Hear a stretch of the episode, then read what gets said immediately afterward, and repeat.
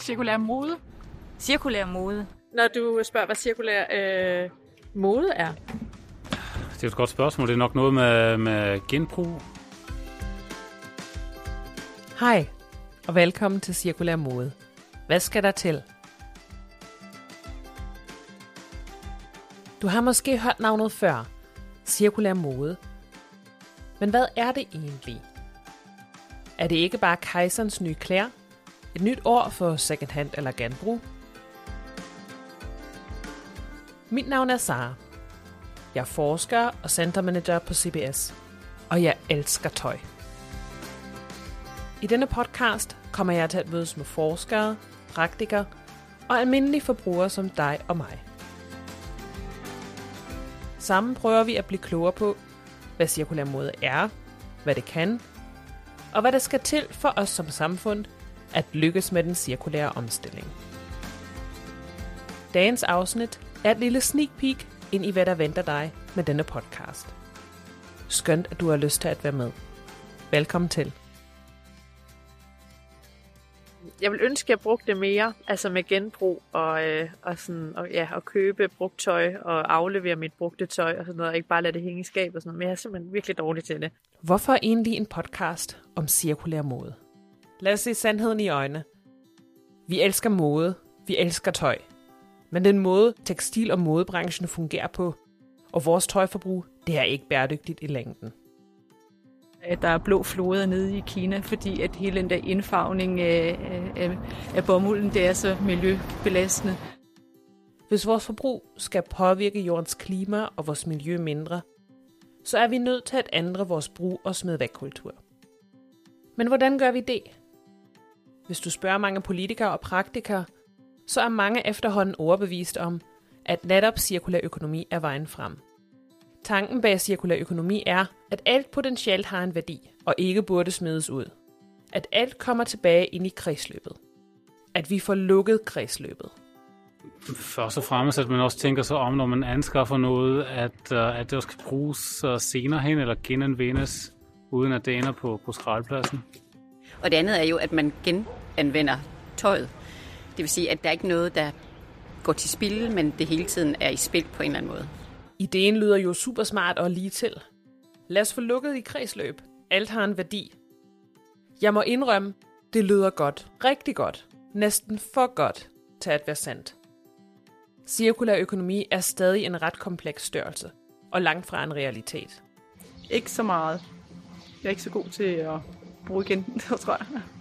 Det ved jeg ikke. Det er jeg ikke rigtig øh, så god til endnu, tror jeg. Altså, jeg, jeg har sådan en eller anden, ildbe- eller bilde mig selv ind, at jeg er virkelig dårlig til, for eksempel en genbrugsbutik, at finde de der guldstykker, øh, der er mellem alt det, der er noget bras og sådan noget. Øh, så det, jeg har bildet mig selv ind, det kan jeg ikke finde ud af. Og så tror jeg bare, jeg har tænkt, at det er nemmere, og i så mange år har jeg bare gået ind i en butik og fundet noget, som jeg, jeg bedre ja, kunne sortere imellem, eller man nu skal sige, eller ind på en internetside og finde et eller andet der og scrolle igennem. Ja, så det er dårlige vane og gamle vaner. ja. Så hvordan stiller vi om, hvis de fleste af os slet ikke er klar over, hvad problemet egentlig er, og hvilken vej vi burde tage? Det siges, at alle veje fører til Rom. Men indtil videre fører de fleste veje nok til den nærmeste genbrugsstation eller forbrændingsanlæg, når det kommer til uønsket tøj. Igennem mit arbejde som forsker har jeg beskæftiget mig meget med bæredygtig modeforbrug og deleøkonomi. Altså forretningsmodeller, som er bygget på principper som at lege, låne eller bytte tøj, frem for at eje tøj. Men jeg har ikke svaret. Der skal mange perspektiver og kompetence til for at sætte gang i omstillingen. Vi er så heldige, at vi har mange forskere og praktikere i Danmark, som ligger ind med fantastisk viden om, hvad der rykker sig og hvad der kunne være mulige løsninger. Ved hjælp af denne podcast prøver jeg at få flere af de her stemmer i spil. I det kommende afsnit kommer vi til at tage hul på en række emner, som er væsentlige led i det cirkulære maskinrum. Du kommer for eksempel til at høre om design, forbrugeradfærd, digitalisering, forretningsmodeller og mange andre spændende elementer. Og du kommer også til at høre fortællinger fra andre forbrugere, deres udfordringer og løsningsidéer. man dropper den der køb og smid væk kultur. Man laver nyt tøj, der er af materialer, der har været brugt før. Jeg tænker um, umiddelbart, at man ikke smider det ud, man syr det om til noget nyt. Genbruger sit tøj, man køber genbrugstøj, man syr sin, øh, sit tøj om. Øh. Ja, det her med, at vi faktisk genbruger vores øh, tøj i igen og igen og igen. Altså går ind, øh, står vi bare her ved kirkens kors her, går ind og finder noget tøj, som nogle andre har lagt hen, og så bruger vi det i et andet sammenhæng. Altså, jeg, jeg tror, jeg har tænkt meget over det sidste år. Ikke at købe, bare sådan impulskøbe, men måske købe lidt, øh, lidt bedre og lidt mindre. Ja. Og faktisk også nogle gange genbrug. Så mens jeg sidder her i en pulterkammer i det orange bindingsværkshus op hos mine svigerforældre, omgivet af aflagt tøj, som venter på at blive givet videre til de næste generationer, og fortsætter med at klippe de næste afsnit af denne podcast, så får du lige en chance for at tage et smukkig ind i den første episode med Jesper Clement og Sten Valentin. God fornøjelse. Jeg tror, der er mange, altså, jeg synes, vi oplever, når vi taler med folk derude, der er mange, der stadigvæk ser det sådan lidt som lidt science fiction-agtigt, lidt svært opnåeligt, og det kan have noget at gøre med igen, hvordan de her modeller ofte bliver fremstillet som de her lukkede kredsløb, closed loop, som det hedder, hvor man forestiller sig i virkeligheden, at det her, man kalder residualt affald, altså det som øh, affald, som bliver produceret, som ikke kan, øh, ja, som ikke er andet end affald, at det i virkeligheden er en meget, meget lille del af, af den samlede øh, øh, strøm.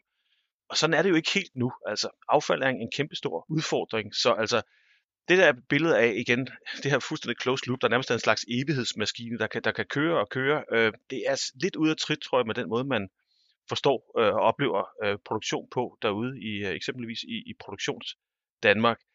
Og det kan som sagt give en fornemmelse af, at det, det, det er noget svært øh, øh, uopnåeligt, og som noget, som måske øh, er, er lidt dekoblet fra igen den produktionsvirkelighed, som mange oplever, eller altså som mange øh, fungerer i. Øh, og igen, som du også er inde på, der er en masse god vilje og ønsketænkning i det her, også en idealisering, fordi det nogle gange bliver sådan et enten eller. Enten har vi den der kedelige, lineære model, der ganske vist har været med til at skabe en forfærdelig masse velstand og fremskridt og forbrugsgoder, men som ikke er godt med klimaet, eller så har vi den, den, den her fantastiske cirkulære model, som så ikke ganske, ganske vist kun er måske fuldt realiseret i nogle små cirkler og hister her øh, og i nogle symbioser og på, på forskellige vis. Men, men der kan ofte være, kan man sige, et, et, et, en, et, en stor kontrast øh, imellem de to ting, og det gør det nogle gange, at, at det er en stor øh, opgave ligesom at få formidlet det på en måde, så, så folk tager det til sig øh, ude i virksomhederne. Det, det synes jeg, vi har sådan anekdotisk belæg for at sige på nuværende tidspunkt. Øh, jeg ved ikke, om jeg kan sige, hvor grænsen går, men du har jo fuldstændig ret, at på den ene side kan man virke som en jubelidiot, øh, sige, at her har vi modellen, som bare kan løse det hele. Øh, og det kan den jo så ikke, fordi øh, altså sådan en, en cirkularitet, den, den fungerer kun lidt på i, i, teori, i teorien. Der vil altid være nogen, som mister lidt undervejs. Så, så, så der, der vil altid være spild af ressourcer, ligegyldigt hvordan vi vender og drejer det. Øh, så, så det er en idealmodel, som, øh, som har gevaldigt mange udfordringer. Og det kan være, at vi om 10 år lytter til den her podcast og, og, og griner lidt i, i skægget og siger, nå, okay, det var det, de troede, de kloge hoveder, der i 2021. Men jeg vil sige, øh, i modsætning til øh, andre modeller, som, øh, som går ud på at øh, reducere forbruget, altså som, som Sten sagde, vi, vi bruger tre eller fire gange de ressourcer, vi burde have til rådighed her i, i Danmark, jamen er vi villige til at, øh, at, at skrue ned øh, til en tredjedel eller en fjerdedel af, af, vores, øh, af vores forbrug, øh, altså med, med, med den øh, krise, vi har nu med, med corona. Øh, alle drømmer jo om at komme tilbage til noget, der ligner det, vi havde. Jamen, hvorfor ikke bare tage det her som eksempel på, at øh, nej, det skal vi ikke. Vi skal faktisk skrue endnu længere ned. Vi skal, vi skal både holde op med at rejse, vi skal ikke rejse til, til Spanien til sommer, vi skal ikke køre i bil, vi skal ikke, vi skal ikke, vi skal ikke. Så, så, øh, så øh, det, vi er kun øh, lige begyndt på, på den proces, som handler om at skrue ned for, for vores aktivitet. Det tror jeg da ikke, at, at der er ret mange af os, der synes, at at, øh, at er særlig interessant. Øh, og der kunne cirkulær økonomi jo være en, en model, som ikke bare sætter det ned til en, en fjerdedel, men faktisk giver os en mulighed, hvis vi opfører os ordentligt og passer på ressourcerne. Hvad synes du? Lyder det spændende? Har du lyst til at høre mere? Så husk at abonnere på denne podcast, så du får besked, når hele sæson 1 ligger klar. Hvis du har nogle idéer til emner og personer, du synes, vi burde have med i kommende afsnit, så send endelig en mail til os på sustainability